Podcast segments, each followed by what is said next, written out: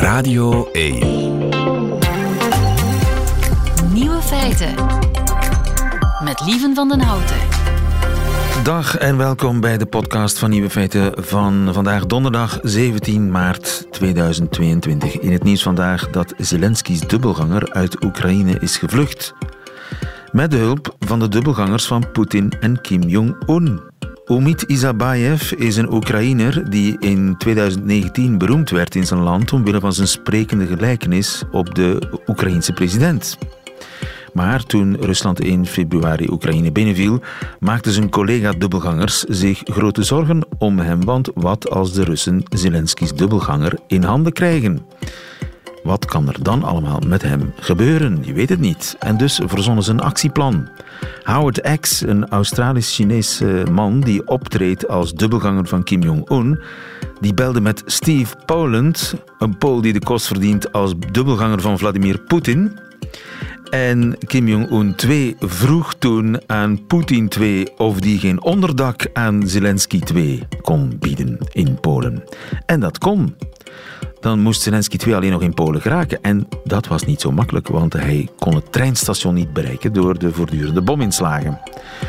Toen hij vastzat, werd hij overigens naar eigen zeggen opgebeld door een Russische televisiemaker. Die zei: Je leven is in gevaar, maar wij kunnen je helpen. Als je voor ons propaganda wilt maken. Zelensky 2 die weigerde dat en kwam gelukkig begin deze week veilig aan in Polen. Bij zijn uh, Poolse collega en Poetin 2 is al op een terrasje gesignaleerd met Zelensky 2 naar verluid. Nu de echte nog. De andere nieuwe feiten vandaag. Jens Fransen overschouwt het slagveld op dag 22 van Poetins oorlog. Paus Franciscus haalt tegen diezelfde oorlog onze lieve vrouw van Fatima uit de kast. De beste oordopjes ter wereld zijn Belgisch, zegt de New York Times. Rika Ponet beantwoordt de vraag van Carla die hierop neerkomt: waarom wil hij geen seks? En de nieuwe feiten van Nico Dijkshoorn die hoort u in zijn middagjournaal. Veel plezier. Jens Fransen, goedemiddag. Hey, goedemiddag. Onze defensiespecialist komt ons zoals vanouds eh, bijpraten over eh, de situatie in Oekraïne. Jens, uh, dag 22. Het, dag 22. En sorry hoor, maar ik begrijp er niets meer van. Ik krijg er kop nog staart aan. Want ja, gisteren hoorden we toch Lavrov, de buitenlandminister van Poetin, zeggen: compromis mogelijk. Het staat eigenlijk al min of meer op papier. Poetin blaft dan weer als vanouds over denazificatie. Dus versta, Zelensky moet weg. En vervolgens wordt dan het theater van Mariupol platgegooid. Ja. Begrijp jij het nog? Toch zijn dat drie dingen die eigenlijk naast elkaar kunnen gebeuren. Laat, laten we eens naar één voor één gaan kijken. Hè. Wat de, eh, de Russische buitenlandminister zegt, Ser Sergei Lavrov, hè, die onderhandelingen die lopen al een, eh, een, aantal dagen. Herinner je, begint deze week ook in Turkije. Turkije blijft uh, mediëren tussen uh, beide. Hè. Dus de, buitenlandse, de Turkse buitenlandminister trekt zowel aan de ene kant af en toe naar um, Oekraïne, maar ook naar Moskou. Die blijft praten met beide partijen. En je voelt dat beide partijen ook wel interesse hebben in een mogelijk akkoord. We hebben dat de voorbije dagen daar het eh, intussen tijd voldoende over gehad. Je merkt voor Rusland loopt deze oorlog heel erg moeilijk. Veel moeilijker dan verwacht. Dat grondoffensief ligt eigenlijk stil. Die omsingeling van Kiev, dat gaat niet gebeuren. Die omsingeling van Kiev gaat toch de komende dagen, de komende week, schatten Amerikaanse militairen in niet gebeuren. Al was het maar omdat de verliezen aan Russische zijde, uh, Russische zijde daar in het noorden veel te groot zijn. Ja. En daarom zeggen sommigen, uh, ja, dat, dat, dat zogezegde uitzicht op een compromis, dat is in werkelijkheid een soort uh, window dressing, een soort ja, manier om tijd te winnen om alsnog de bevoorrading op orde te krijgen, om alsnog nieuwe troepen aan te laten rukken, om dan dubbel zo hard te slaan. Dus ze menen het eigenlijk niet. Dat zou kunnen. Hè? Eh, je hebt gezien, Rusland heeft dat eh, ook in het oor gefluisterd van het Syrische regime. In, um, een aantal jaren geleden in hun strijd toen tegen IS en tegen de rebellen. En die hebben dat ook een aantal keren gedaan. Dus je opent dan een venster waarin je zogezegd praat en onderhandelt. En intussen tijd versterk je natuurlijk jouw eigen positie. Het zou kunnen. Zou kunnen. Dat ze het niet menen. Dat ze eigenlijk toch gewoon uh, Zelensky weg willen. En, en... Ja, langs de andere kant denk ik, is er ook wel echt kans op een uh, diplomatieke oplossing. Net omdat dat Russische offensief gewoon zo slecht loopt. Ja, ook dat zou kunnen. Ja. We weten eigenlijk niet zoveel. Nee, hè? nee. Het blijft gistwerk. Dan dat theater in, in Mariupol. Dat past ook in diezelfde strategie, denk je? Wat je daar ziet is natuurlijk, ehm, en we, we hebben dat een aantal dagen geleden voor het eerst beginnen opmerken, waar helemaal in het begin van het conflict, hè, denk dan een week of drie geleden, Rusland eigenlijk vooral ehm, ja, heel precieze lasergeleide bommen afwierp. Ja, is het de voorbije twee weken is het eigenlijk op een veel ruwere, onbezonnen manier gaan eh, gebruik maken van wat heet zijn vuurkracht. Aan de ene kant vanuit de lucht via bombardementen die eigenlijk gewoon oude, domme bommen zijn. Die bommenwerpers, uh, bommenwerpers gaan afgooien. En aan de andere kant dan via ja, gewoon de, de artillerie die begint te vuren op bepaalde wijken. En dan krijg je natuurlijk een veel grotere kans op dit soort incidenten, als het al niet doelbewust zou zijn. Maar laten we er dan nog een stukje van uitgaan dat het een incident is, waarbij eigenlijk een piloot wellicht een, eh, een fout, een, een, eh, een foute bom heeft afgeworpen, net op het foute uh, moment op de foute plek. Ja, plus de Russen gooien eigenlijk random bommen op dit moment. Ja, wel, wat dus je merkt, maar. Ja, wat je merkt is dat ze gewoon heel erg zwaar bombarderen. En je moet weten, die uh, geleide bommen die zijn natuurlijk ook heel erg duur. En men gaat ervan uit dat Rusland al heel even door die stoks heen zit. Die prijs van die oorlog wordt natuurlijk ook heel hoog. En men maakt hoe langer hoe meer gebruik van die goedkope, domme bommen die je van op een relatief grote hoogte afgooit. En dan heb je min of meer een idee waar dat zou terecht moeten komen. Maar even goed afhankelijk van waar je ze exact afgooit en dan eventueel uh, de wind die ertussen komt, ja of nee, dan krijg je een afwijking. En dan krijg je dit soort incidenten. Ja, of er mensen onder het puin bedolven liggen, of er mensen in de kelder zaten. Die kelders zijn naar, naar verluid intact, maar we, we, wachten nog echt op nieuws over ja. eventuele slachtoffers. Het, het, het, ding is, we, we, volgens de burgemeester van Mariupol zouden daar tot duizend mensen kunnen um, hebben gezeten in die uh, schuilkelder eigenlijk onder dat theater. Het is een lokale politicus vanmorgen die zei, kijk, we zijn het uh, puin aan het ruimen en er zijn mensen al levend van onder het puin gekomen die schuilkelder zou het gehouden hebben. Maar voor alle duidelijkheid, die berichten zijn nog niet onafhankelijk geverifieerd. We hebben daar ook tot een aantal minuten geleden nog steeds geen beelden van gezien. Ja, um, en dan de Amerikanen die, uh, omger die een miljard dollar aan militaire steun gaan uh, geven aan Oekraïne. Daar zitten drones tussen, antitankwapens, luchtafweergeschut. Zal dat verschil maken? Dat kan wel degelijk echt een verschil maken. We hebben dat ook de voorbije weken gezien. Hè. Um, Oekraïne blijft vragen om militaire hulp. Herinner je, een paar dagen geleden kunnen we geen nieuwe gevechtsvliegtuigen krijgen. Nee, heeft de NAVO gezegd, te gevaarlijk voor een escalatie.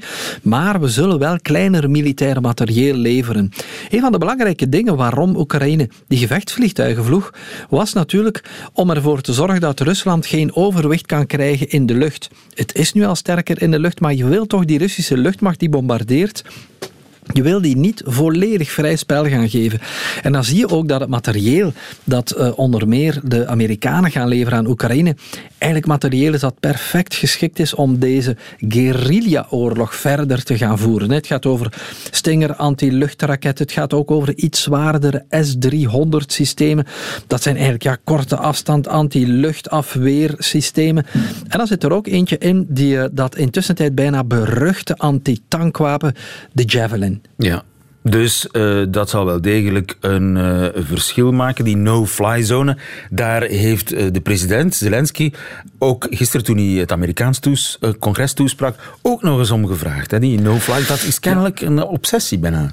Ja, dat is natuurlijk dat is wel begrijpbaar, hè, omdat die Russische gevechtsvliegtuigen en die helikopters natuurlijk heel wat schade kunnen aanbrengen. En bovendien, het zijn ook die toestellen die een stukje kunnen zorgen voor overzicht van ja, het theater, hè, hoe militairen dat noemen, de battlefield. Hè. En uh, je merkt, zolang dat uh, het Oekraïnse leger zelf ook drones, Turkse drones kan inzetten en een aantal gevechtstoestellen, maken zij wel nog een stukje kans. Maar natuurlijk een no-fly zone, hè, waarbij je eigenlijk zou gaan zeggen, kijk, uh, er mogen geen Russische vliegtuigen meer boven Oekraïne uh, vliegen. Dat gaan afdwingen. Geen enkel vliegtuig. Maar geen enkel vliegtuig, behalve dan natuurlijk diegene van het land waarvan Oekraïne vraagt, kijk, help ons dit, dit in stand te houden. Hè. En, en, dat zou dan bijvoorbeeld NAVO-toestellen zijn. Het probleem is, je opent daar eigenlijk een stukje een doos van Pandora mee, want... Hoezo? Ja, wat ga je doen als een Russisch vliegtuig toch komt binnenvliegen? Dan moet je het ofwel onmiddellijk gaan neerschieten, maar dat zou Rusland kunnen beschouwen als een oorlogsdaad en zou dan ook NAVO-landen kunnen gaan aanvallen. Of je moet gaan zeggen, kijk, we gaan dan bijvoorbeeld hè, een Belgische F-16, om meteen eens een Belgisch voorbeeld te geven, daar naartoe laten vliegen. Die, die stijgt op in Polen en die moet dan naast dat Russisch toestel gaan vliegen, internationaal teken geven, zeggen, kijk jongens, jullie zijn hier niet welkom. Maar natuurlijk, ja, dan zou je een soort luchtgevecht kunnen gaan krijgen of nog voor zo een Belgisch toestel of een ander NAVO-toestel bij dat Russische toestel geraakt, zou die door Russisch uh, anti, uh, anti-luchtgeschut uit de lucht kunnen geschoten worden. En wat dan? Ja, dus veel te gevaarlijk. Dat uh, zal wellicht ook niet gebeuren. Dat uh, Zelensky mag uh, vragen wat hij wil. Dus ja, ik ben begonnen met te zeggen, ik krijg de kop nog staart aan. Het, ja, het kan vriezen, het kan dooien. Dat is eigenlijk nog altijd de situatie. Hè? Ja, maar belangrijk is dat nog steeds eigenlijk de Russische grondtroepen geen enkele vooruitgang maken op het terrein. En dat merk je ook aan, aan die ongelooflijke, ja, slimme tactiek van de Oekraïners die een soort guerrilla-oorlog uitvechten en we zeiden het daar net al, die, eh, die anti-tankraket, de Javelin, moet je straks doen, lieve, is googlen. Die, die krijgt op dit ogenblik binnen Oekraïne en de aanhangers van Oekraïne een bijna heilige status. En, en dat mag je ook bijna letterlijk nemen, want er bestaat intussen zelfs al uh, verschillende nummers die, ge, uh, die, die gecomponeerd zijn voor die Javelin-raket, er bestaat zelfs een heuse website al met t-shirts en hoodies. En daar zie je eigenlijk, hè, de, de, het is gecalled Saint Javelin, hè, de heilige Javelin. Daar zie je een soort afbeelding van een, eh, een, eh, een heilige maagd Maria met dan zo een Javelin-raket uh, op haar schouder of in, of, of in haar handen. En wie dan zo'n ding koopt, de opbrengst, die gaat daarvan dan naar Oekraïnse vluchtelingen. Dus je merkt dat dat soort wapens vandaag de dag is bijzonder populair bij de Oekraïners, want het zijn dat soort wapens die voor hen vandaag het verschil kunnen maken. Dag 22 en eh, we zijn nog niet aan de laatste dag, dat is duidelijk. Dankjewel Jens Fransen. Goedemiddag. Radio 1. Nieuwe feiten. De paus haalt een geheim wapen uit de kast tegen Poetin. Met name onze lieve vrouw van Fatima. Goedemiddag, Hans Schijbels. Goedemiddag. U bent eh, theoloog aan de Universiteit van Leuven. Volgende week vrijdag gaat het gebeuren. In de eh, Sint-Pietersbasiliek in Rome zal de paus een van de wensen van onze lieve vrouw van Fatima uitvoeren. Help mij even, onze lieve vrouw van Fatima. Is dat een soort onze lieve vrouw van Lourdes, maar dan van Fatima? Het is vergelijkbaar. Hè? Dus het gaat ook om verschijningen. Uh, begin 20e eeuw, uh, Lourdes was 60 jaar daarvoor. Uh, toen is inderdaad Maria verschenen aan zieners. Aan zieners. Het waren kinderen, hè? Het waren kinderen. En daar heeft zij dus gezegd, van, daar heeft zij drie uh, geheimen geopenbaard aan die kinderen. Hè. En het, het, gaat meer bepaald over het tweede geheim, uh, waarin dus uh, zij zegt van, kijk, waarin ze vraagt van, kijk, heel de wereld en in het bijzonder Rusland moet het toegewijd worden aan haar aan haar onbevlekt hart meer bepaald, zie je? Dus Rusland moet toegewijd worden aan het onbevlekte hart van Maria. Dat heeft in Fatima, Portugal, Maria aan die herderskinderen gezegd. Ja, en de context is heel belangrijk. Omdat ja, dat was in 1917. Juist, revolutie de, in juist, Moskou. De, de Oktoberrevolutie. En dus Rusland, om die revolutie te laten slagen, had Rusland dus uh, zijn kar gedraaid. En dus gekozen hè, voor de zijde van Duitsland-Oostenrijk. En dus ja, dat die opdracht, uh, of die toewijding aan dat onbevlekt hart van Maria, betekent dus eigenlijk ja, een, een, een een, een, uitnodiging om dus voor wereldvrede te zorgen. Want daarover gaat het. En dat was ook de boodschap toen. En dat wil eigenlijk de paus nu herhalen. Maar was het ook gericht tegen de Oktoberrevolutie op zich? Wel, het was natuurlijk gericht ja, tegen het communistische gevaar ook dat men zag opduiken. Hè. En dat stond toen voor anarchie, dat stond voor destabilisering van de samenleving en zo. Dus, uh, maar het was ook een oproep tot vrede. En ik denk dat dat de belangrijkste boodschap is die de paus nu ook wil meegeven. En uh, toch raar dat, er, dat de paus meer dan 100 jaar wacht om die wens van Maria ten uitvoer te brengen. Wel, het is eigenlijk een herhaling Omdat het is al een paar keer gebeurd. Hè. Bijvoorbeeld in 1942, ook alweer een oorlogscontext. Hè. Uh, toen is het ook gebeurd. En het is zelfs, ik, ik geloof dat het de derde keer is dat het uh, herhaald de, de, zal worden. De derde booster, als het ware. Een boosterprik, zo te zeggen, ja.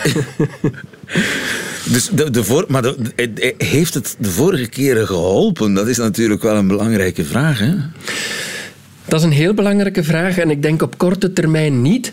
Maar op langere termijn zien we toch uh, dat het Vaticaan heel erg bezig is, en, en, meer bepaald de Vaticaanse diplomatie, dat die heel erg bezig is met die wereldvrede. En we onderschatten dat. Bijvoorbeeld hè, bij die andere grote crisis, de Cuba-crisis, zien we dat het Vaticaan en, en de Vaticaanse diplomatie een immense credibiliteit had opgebouwd, waardoor er in het allergrootste geheim in het Vaticaan toch gesprekken plaatsvonden. We zijn dat pas achteraf te weten gekomen tussen Amerika en Rusland, waardoor die, die situatie dus verbeterd is. En we zien hetzelfde gebeuren. Gorbachev, Gorbachev, niemand minder dan Gorbachev, heeft gezegd van kijk, uh, zonder het Vaticaan, zonder Paus Johannes Paulus II, zou de, twee, zou de Koude Oorlog uh, niet voorbij geweest zijn in die periode toen. Hè? Ja, Johannes Paulus II, Poolse origine natuurlijk, die heel gevoelig was voor het, communisme. En, uh, en met name ook ja, de terreurkant ervan. Hè? Ja, dat klopt. En, nu, dus... uh, en tijdens de Cuba-crisis is Fatima toen ook gebruikt? Uh, dat weet ik niet zeker of Fatima toen gebruikt is. Uh, het is in 64 nog een keertje gebruikt. Uh, dat was de tweede keer. En nu zal het de derde keer zijn, dus met... Ja met de, deze Poetins oorlog noemen we hem in, in Oekraïne.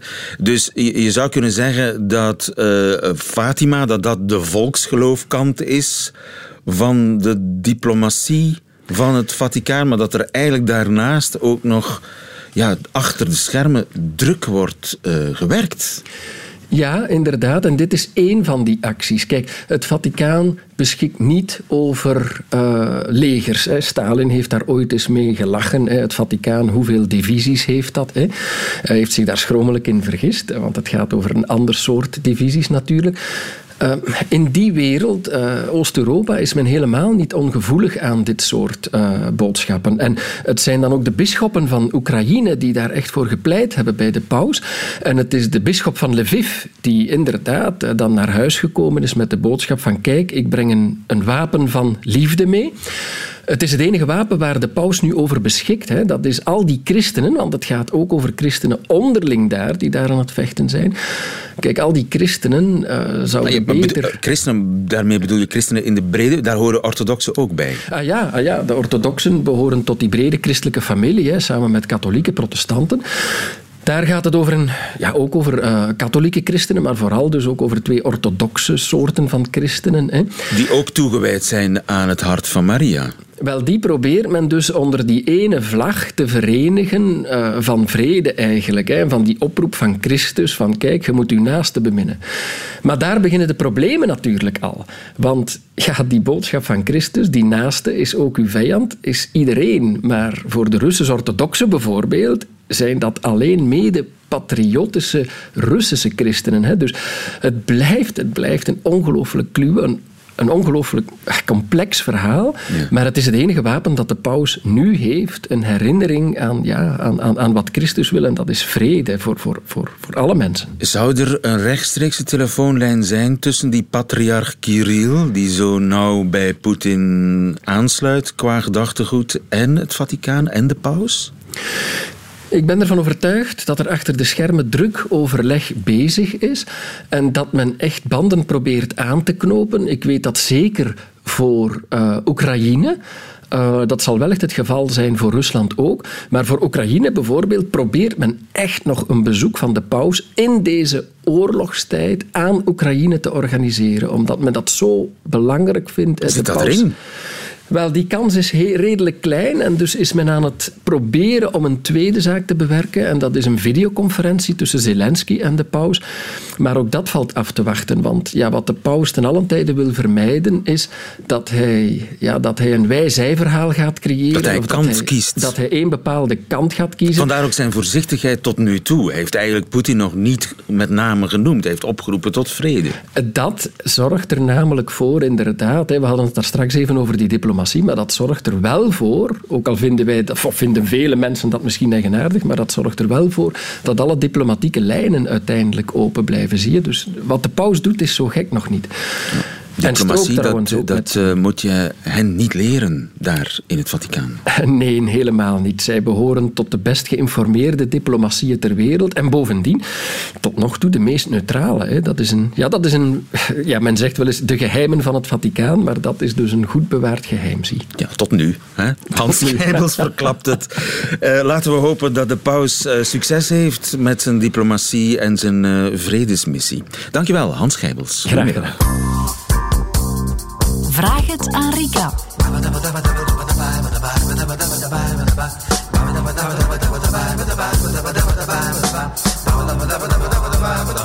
Ja, sociale en relationele knopen, familiale knopen, daar uh, zijn wij heel goed in. Tenminste, ik niet. Rika wel. Goedemiddag, Rika Ponet. Goedemiddag. Relatiedeskundige, elke donderdagmiddag te gast bij uh, Nieuwe Feiten om uw problemen aan te pakken. En zo heb ik een probleem gekregen. Problemen zijn trouwens welkom op nieuwe feiten uit radio1.be. Ik zeg er maar bij. Een probleem gekregen van Carla. Carla is 34 en zij mailt het volgende. Ik ben een alleenstaande vrouw en leerde drie maanden geleden een alleenstaande man kennen. Bij mij was het boem erop. Maar hij heeft duidelijk meer tijd nodig zegt Carla. We trekken samen op, doen leuke dingen en er is dagelijks contact. Knuffelen en zoenen op de wang horen er al bij. Ik sta te popelen om een stap verder te gaan, om samen gelukkig oud te worden. We hebben een goede band, kunnen over alles praten, lachen en plagen elkaar. Maar voor die laatste stap, het echt intieme contact, blokkeert hij. Hij wil het wel, maar er zit precies nog een muur rond hem, omschrijft hij zelf. Het woord bindingsangst is ook al gevallen.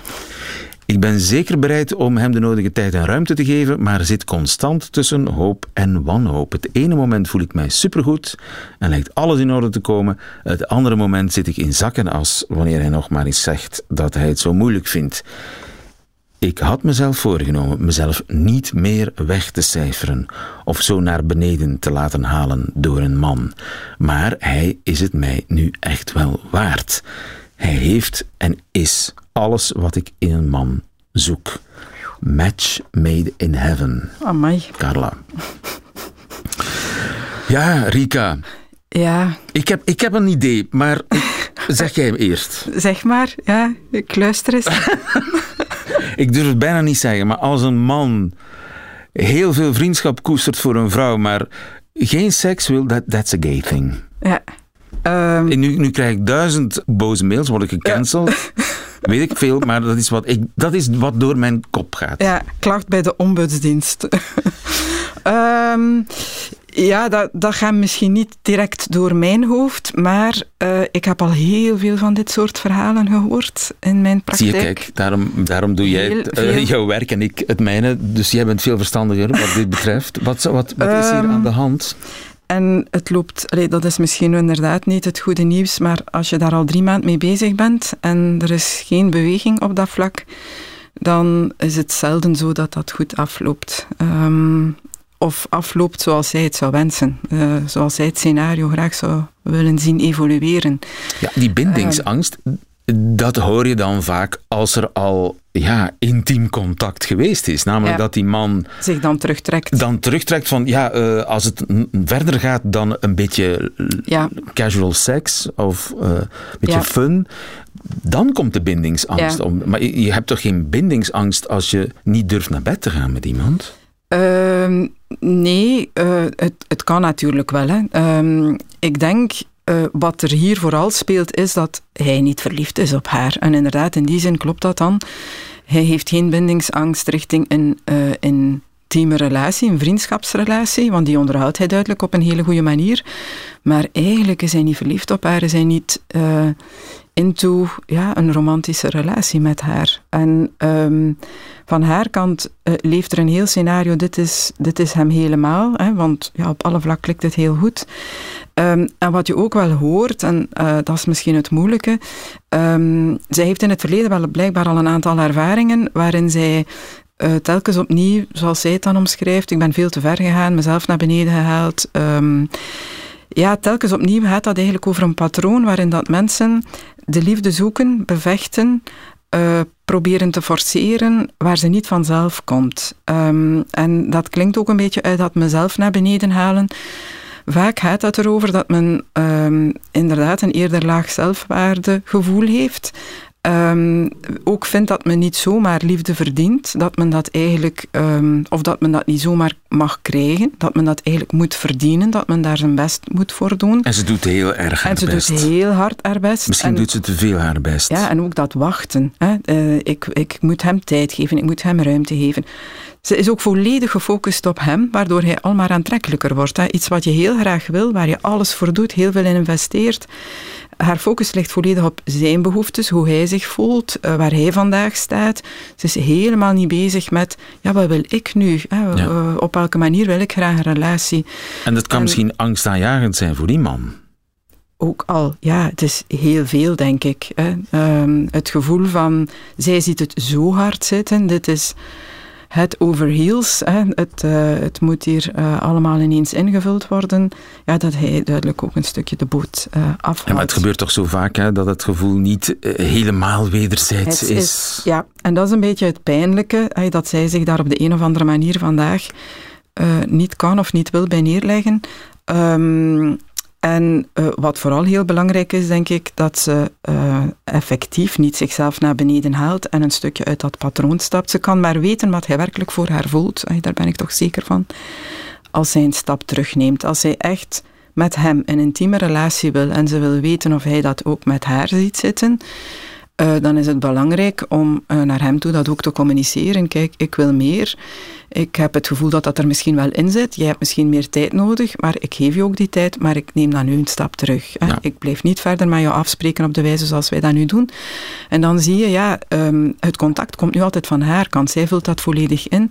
Dan zal, zal zij ineens weg zijn uit zijn leven. Uh, wie weet wat hij dan mist. Hè? Of uh, zal bij hem effectief het licht gaan branden van dit is een fantastische vrouw. Hè? Uh, als dat dan over bindingsangst gaat. Ik wil die toch niet kwijt zal hij alsnog een stap zetten. Maar ik vrees dat de kans groot is dat dat niet gebeurt. Ja. En dan is dat ook, het is pijnlijk, het is hard, maar ook goed om te dan weten. Dan is dat gewoon de waarheid dan die is dat naar de boven waarheid komt. Die naar boven, en, en dan kan dan... zij ook verder met haar leven, denk ik. Ja. Carla weet wat haar te doen staat. Dankjewel en tot volgende week, Rika Ponet. Graag gedaan. Nieuwe feiten. Volgens de New York Times, en dat is toch niet het parochieblad, zijn de beste oordopjes Belgisch. Dimitri O, goedemiddag. Goedemiddag, lieven. Uh, Dimitri, jij maakt die oordopjes. Ja, klopt. Inderdaad, uh, vijftal jaar geleden samen met Maarten, mijn vernoot, gestart met Loop Earplugs. Um, en vandaar inderdaad al uh, een, een leuk en interessant parcours afgelegd, volledig gefocust op oordoppen. En wie is Maarten? Je zegt je, je compagnon, jullie kennen elkaar goed. Absoluut. Samen in het middelbaar gezeten. Uh, dus wij kennen elkaar al langer wel dan dat we elkaar niet kennen. Uh, delen heel veel passies met elkaar. Waaronder uh, ja, heel het verhaal van Loop gestart is, zijn de festivals, concerten. Dat soort van zaken. We zijn heel veel samen uitgegaan. En heel vaak dus ook met fluitende oren s'avonds naar huis gegaan. En daar eigenlijk ons enorm aan gestoord. Zeker op het punt dat die fluitende oren dan permanent zijn geworden, is omgeschakeld naar, uh, naar tinnitus. En toen dachten we, dit kan gewoon zo niet verder blijven duren. We moeten gewoon gehoorbescherming dragen als we gaan feesten. Um, een beetje alle producten in de markt beginnen testen, gaande van de gratis foamies die aangeboden worden, tot de op maat gemaakte sets die toen nog 200 euro per paar kosten. En daar eigenlijk altijd van een koude kermis thuisgekomen. Heel hard gefrustreerd geweest door de kwaliteit, het traag comfort, de geluidskwaliteit. En hadden jullie allebei tinnitus opgelopen in, uh, in het uitgaansleven? Wel, ik denk dat iedereen wel het gevoel kent van die fluitende oren op het moment dat, we, um, dat je naar huis gaat na een avondje feesten. Uh, bij mij is het inderdaad volledig omgeslagen naar permanente tinnitus. En dus voor mij bestaat stilte niet meer. Uh, Maarten heeft, heeft, er minder en minder last van. Dus, dus voor hem is het een, voorlopig nog een, een goed einde geweest. Maar ik zit er er, ik zit er permanent mee voor de rest van mijn leven. En dus jullie waren niet tevreden met het bestaande aanbod uh, en jullie hebben iets nieuws. Wat is dan jullie uh, unique selling proposition, om maar even een geweldige managementtaal te gebruiken? er zijn twee zaken, twee problemen denk ik die gehoorbescherming in het algemeen hebben. Um, de eerste groep van problemen is rond de kwaliteit van het product zelf. Dus dat gaat dan heel specifiek over comfort, over geluidskwaliteit en vaak nog het meest belangrijke, de manier dat ze eruit zien. Om dat even heel concreet te maken, de meeste oordoppen proberen een product te verstoppen in een oor dat eigenlijk niet te verstoppen valt.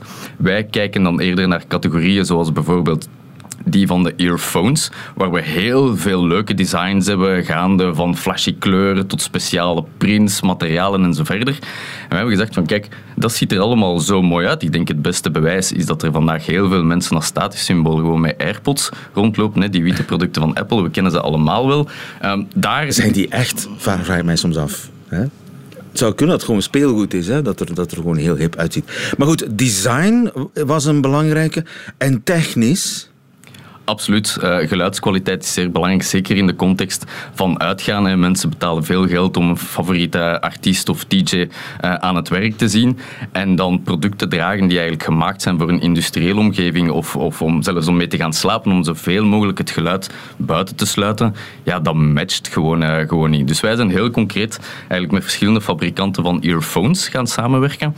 Gaan werken rond akoestiek, gespeeld met, met filters, met membranen, met akoestische kanalen. Um, om om een, om een oordop te gaan ontwikkelen die alles een beetje minder luid maakt, maar wel nog altijd helder laat, laat klinken. Dus mensen genieten nog van de muziek, kunnen veel gemakkelijker gesprek voeren in een luide omgeving, etc.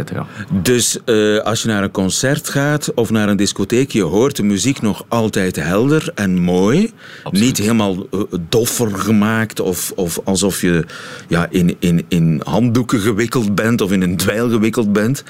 Uh, maar het is niet meer schadelijk. Gewoon het volume naar beneden. Niet exact. de geluidskwaliteit. Dat is eigenlijk. En is dat ook de reden van het. Want het, het is een groot succes. Absoluut. Uh, en is zeker een van de drivers geweest van het grote succes. Maar ik denk dat we de looks van de producten ook niet mogen onderschatten. En waarom zeg ik dat? Sinds de pandemie kan je inbeelden dat heel het festival en het concertgebeuren niet meer super relevant is geweest voor de meesten onder ons. Uh, maar wij hebben dan eigenlijk een hele reeks. Ah, dus jullie waren ook slachtoffer van corona. Mensen hadden geen oordoppen meer nodig, want ze moesten niet meer uitgaan. Ze konden niet meer uitgaan. Absoluut, absoluut. Dus in ehm, één keer viel het, al, viel het allemaal stil. Exact. In augustus 2019 is dat artikel in de New York Times verschenen waar je daarna, daar juist naar, uh, naar verwees. En dat is voor ons eigenlijk de eerste keer geweest dat we als start-up heel hard zijn kunnen opschalen in het eerste gedeelte van 2019. Dus als de New York Times schrijft, dit is oké, dan, dan ja, gaat, gaat de omzet door het dak. Ja, ja, ja um, wij hebben toen op Amazon op twee dagen tijd al de stok die we daar hadden um, uitverkocht, heel snel uh, opnieuw her, heraangevuld. En van, dus e-, echt de start geweest van ons groeiverhaal in, in 2019.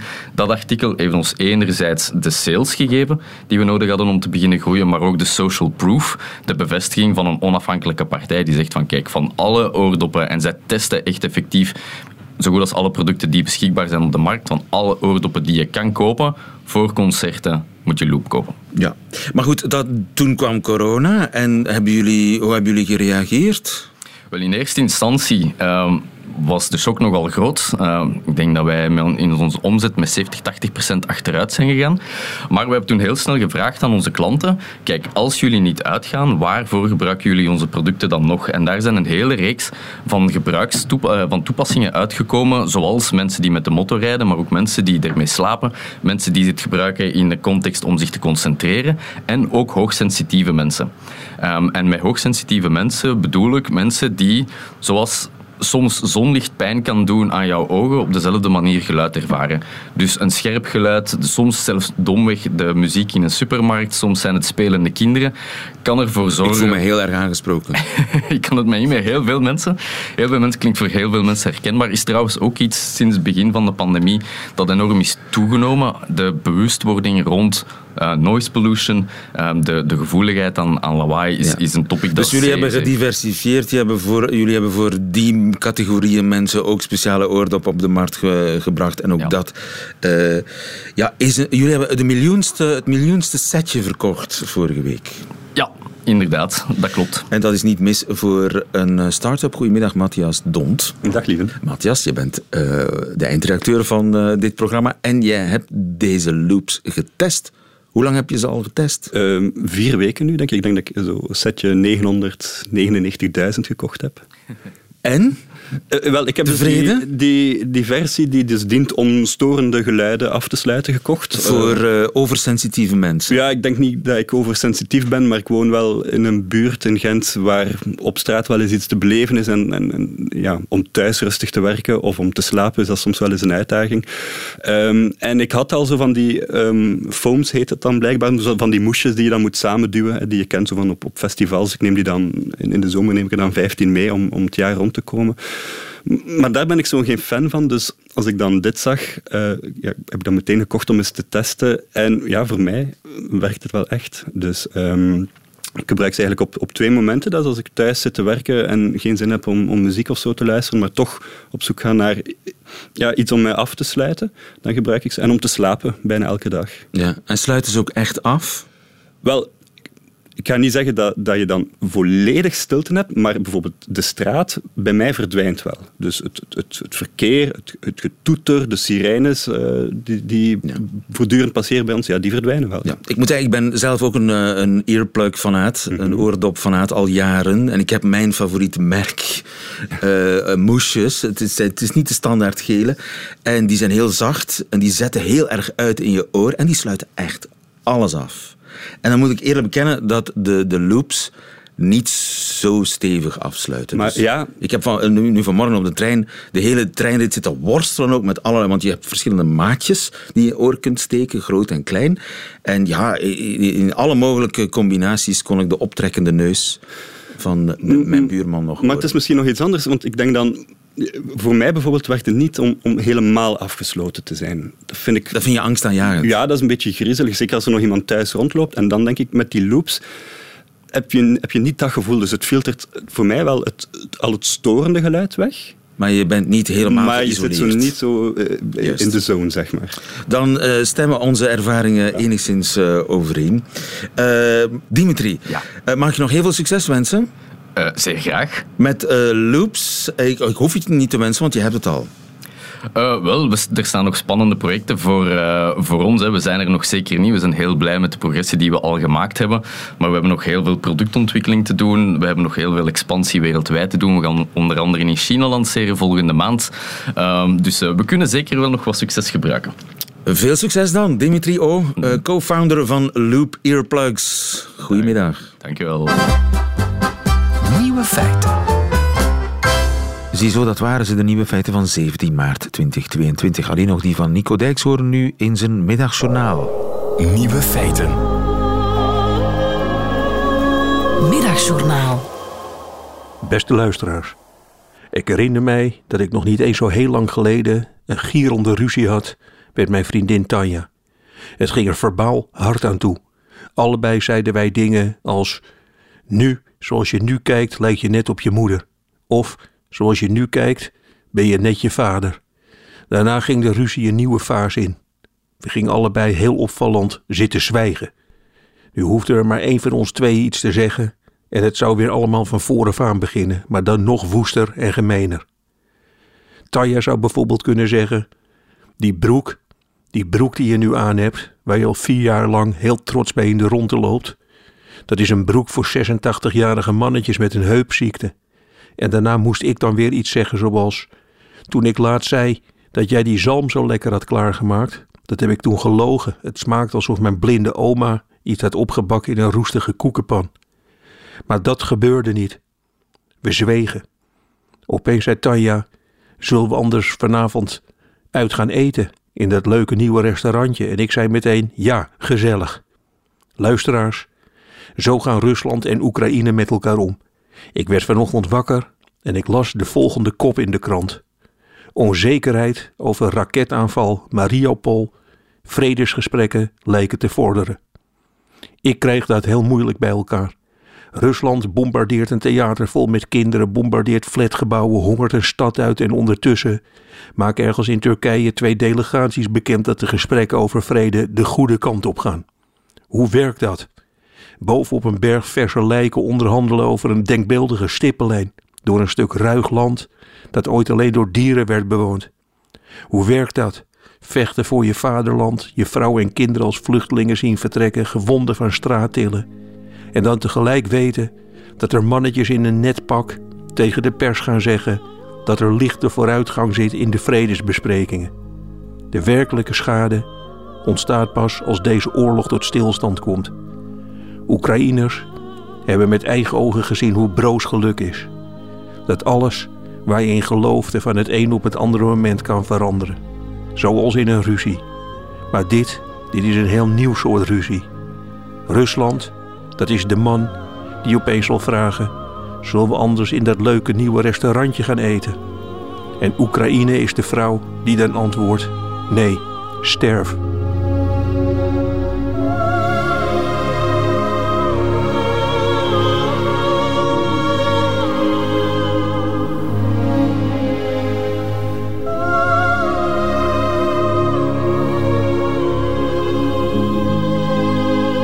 Het Middagjournaal met Nico Dijkshoorn. Einde van deze podcast. Hoort u liever de volledige nieuwe feiten met de muziek erbij? Dat kan natuurlijk via onze website, on demand, of via de Radio 1 app.